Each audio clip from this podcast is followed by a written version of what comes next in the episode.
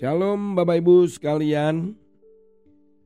Ketika saya masih remaja waktu itu ya sekitar tahun 2000-an demikian. Nah, saat itu lagi booming dengan buku Megatrend 2000. Kalau nggak salah buku itu dikarang oleh Nesbit, ya, John Nesbit kalau nggak salah begitu ya. Bagaimana buku itu menjadi acuan beberapa orang. Ya banyak orang lah di dunia karena buku ini banyak membahas masalah masa depan.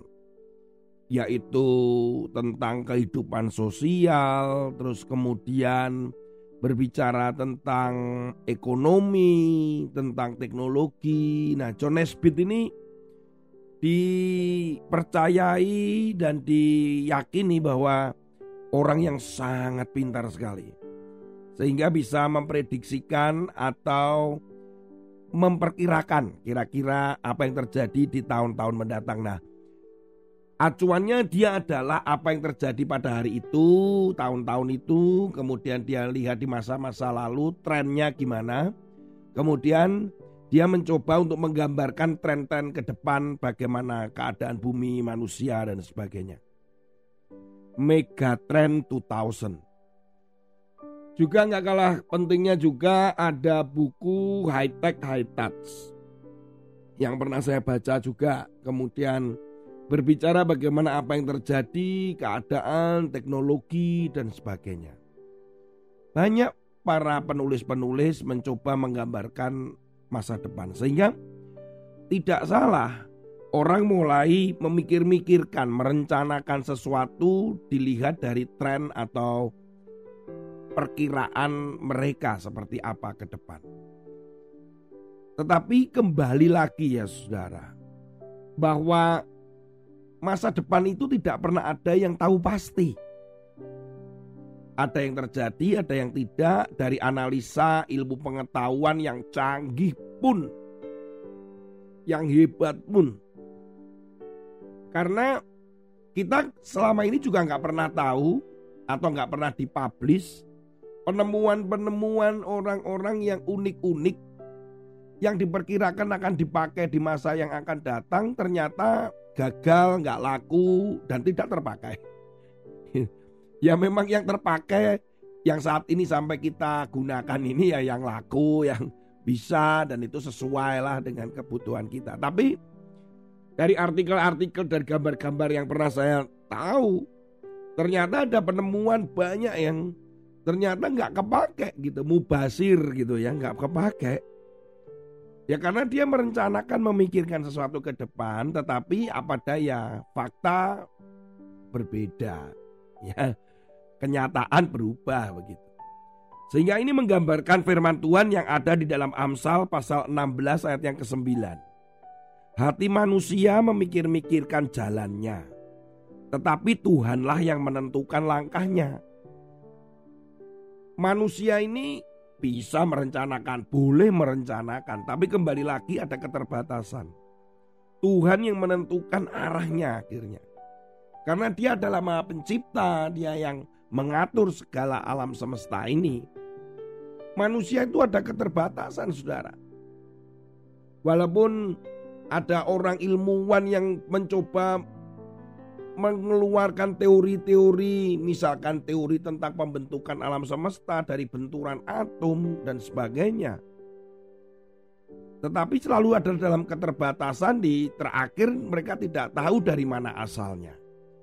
Itu pun hanya asumsi, asumsi, asumsi dan tidak ada kepastian.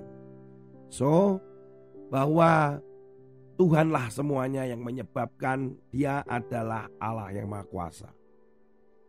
Nah saudara, saya ini ketika menjelang nikah ya, Salah satu ketakutan saya itu kalau datang ke calon istri waktu itu adalah kalau ditanyain tentang pernikahan.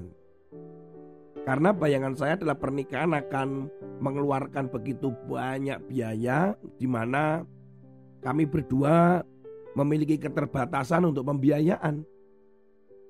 Ketika saya melihat seorang hamba Tuhan di gereja misalkan ketika dia berkhotbah saat itu ya saat itu menceritakan kesaksian tentang bagaimana pernikahan yang dibiayai ada berkat dari Tuhan ada juga ketika istrinya melahirkan ada pertolongan dari Tuhan saat itu saya cuma tersenyum saja kenapa ya saya percaya karena dia adalah hamba Tuhan saya pikir karena dia pendeta. Kalau pendeta yang ada di mimbar kemudian mengatakan, Saudara, minggu depan, bulan depan, dua bulan lagi saya akan menikah. Ya dengan mudah, mungkin ya secara manusia, maka jemaat akan kemudian memberikan ini, menolong itu, mendukung yang sana. Itu lebih mudah dibandingkan kami yang jemaat biasa. Masa kami akan teriak-teriak, oi kami akan menikah loh. Siapa yang mau bantu? Ayo, ayo, ayo, ayo. Gitu kan gak mungkin ya. Saat itu, saat itu, saat itu. Tetapi faktanya nggak demikian. Kami boleh merencanakan apa pun dengan cara yang ya menurut kami sudah bagus. Mengatur keuangan, mengatur untuk tabungannya. Eh tiba-tiba mami saya dipanggil Tuhan Padahal saya kami sudah persiapkan itu dalam satu tahun setidaknya kalau saya nabung dan saya nggak mau menikah dengan cepat dulu diatur sedemikian rupa. Ternyata mami saya harus pulang ke rumah Tuhan. Sehingga ada pembiayaan yang tiba-tiba harus uh, di luar perkiraan rencana kami. Terus kemudian secara budaya eh, calon mertua kami juga meminta untuk segera menikah di bawah eh, 100 hari waktu itu. Waduh lah ini kan semakin complicated saudara. Sudah dananya habis untuk membantu ya pemakaman, kemudian saat persemayaman mami saya. Eh ternyata menikahnya tiga bulan lagi. Wah itu seperti saya terjungkal begitu. Karena kami sebenarnya sudah merencanakan nanti tabungan sekian, THR-nya sekian, nanti begini begitu. Tetapi tidak semudah itu. Tuhan punya langkah-langkah sendiri. Kami kembali merencanakan semuanya. Kami merencanakan dengan hitungan bahkan maaf ya saudara, kadang saya malah dengan calon istri saya dulu menulis nanti angponya berapa orang dan sebagainya karena kekhawatiran kami terhadap pembiayaan itu. Tapi Tuhan ini keren banget gitu. Bahwa semuanya dicukupkan bukan hanya pendeta yang ada di mimbar itu. Tetapi setiap orang percaya. Itu yang mengubah cara pandang saya, mengubah sikap saya. Bahwa Tuhan tidak melihat itu pendeta, itu penginjil, itu pelayan Tuhan. Semua yang percaya dan yang menjadi muridnya yang taat dan setia. Dia selalu punya cara untuk menentukan langkah yang terbaik bagi kita semua. Yang percaya katakan amin. Dan puji Tuhan semuanya ada di dalam kendali Tuhan. Pernikahan, kemudian sampai honeymoon bahkan yang tidak pernah saya rencanakan. Ternyata Tuhan mengatur dengan indahnya. Sehingga saya pergi ke Australia, saya pergi ke Singapura. Wah itu pengalaman pertama keluar negeri dan sebagainya. Wah indah.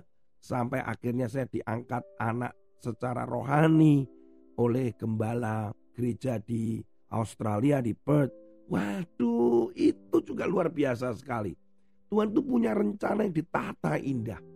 Yang penting adalah kita mau merendahkan diri dan bersandar kepada Dia.